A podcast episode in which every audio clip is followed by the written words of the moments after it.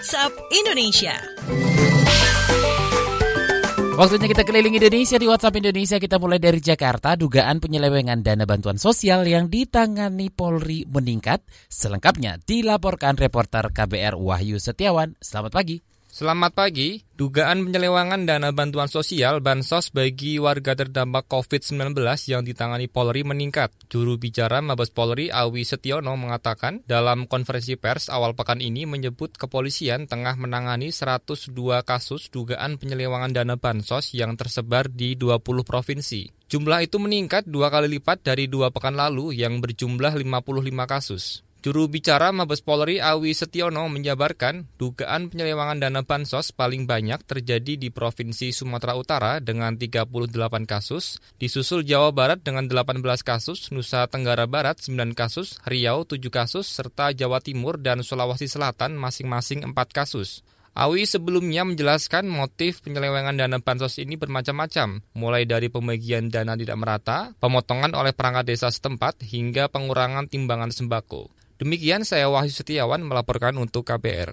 Kita beralih ke Kuningan, Jawa Barat. Kontroversi penyegelan makam Pemkap Kuningan akan ajak dialog toko Sunda Wiwitan. Kita simak kontributor KBR, Frans Mokalu. Selamat pagi. Selamat pagi. Pemerintah Kabupaten Kuningan, Jawa Barat berencana mengajak dialog perwakilan adat Sunda Wiwitan mengenai kontroversi penyegelan makam sesepuh Sunda Wiwitan. Sekretaris Daerah Kabupaten Kuningan, Dian Rahmat Januar mengatakan, dialog itu untuk mediasi agar masalah cepat selesai dan tidak berlarut-larut.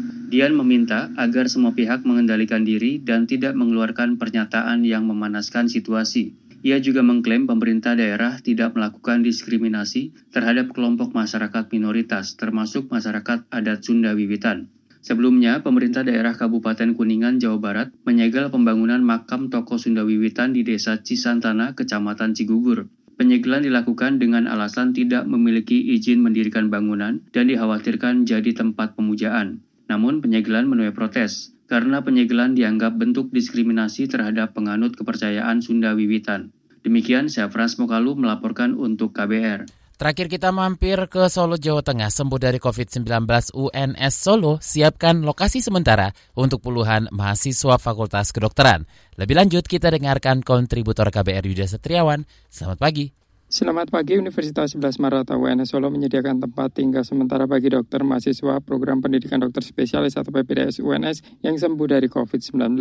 Rektor UNS Solo Jamal Woho mengatakan penyediaan tempat tersebut untuk mengantisipasi adanya penolakan ataupun stigma dari masyarakat karena kepulangan mereka dari rumah sakit. Menurut Jamal, lokasi khusus sementara itu berada di dalam komplek kampus UNS yang saat ini masih ditutup hingga akhir bulan. Sebelumnya, mahasiswa program pendidikan dokter spesialis atau PPDS Fakultas Kedokteran Universitas 11 Maret UNS Solo menjalani perawatan di Rumah Sakit UNS dan Rumah Sakit Dr. Muadi Solo yang menjadi rumah sakit rujukan penanganan COVID-19 di Solo dan kabupaten sekitarnya. 70-an dokter itu dinyatakan positif COVID-19 pekan lalu dan kini dinyatakan sembuh. Hampir semuanya telah siap beraktivitas kembali. Dari Solo, Jawa Tengah, Yuda Satirawan, KBR.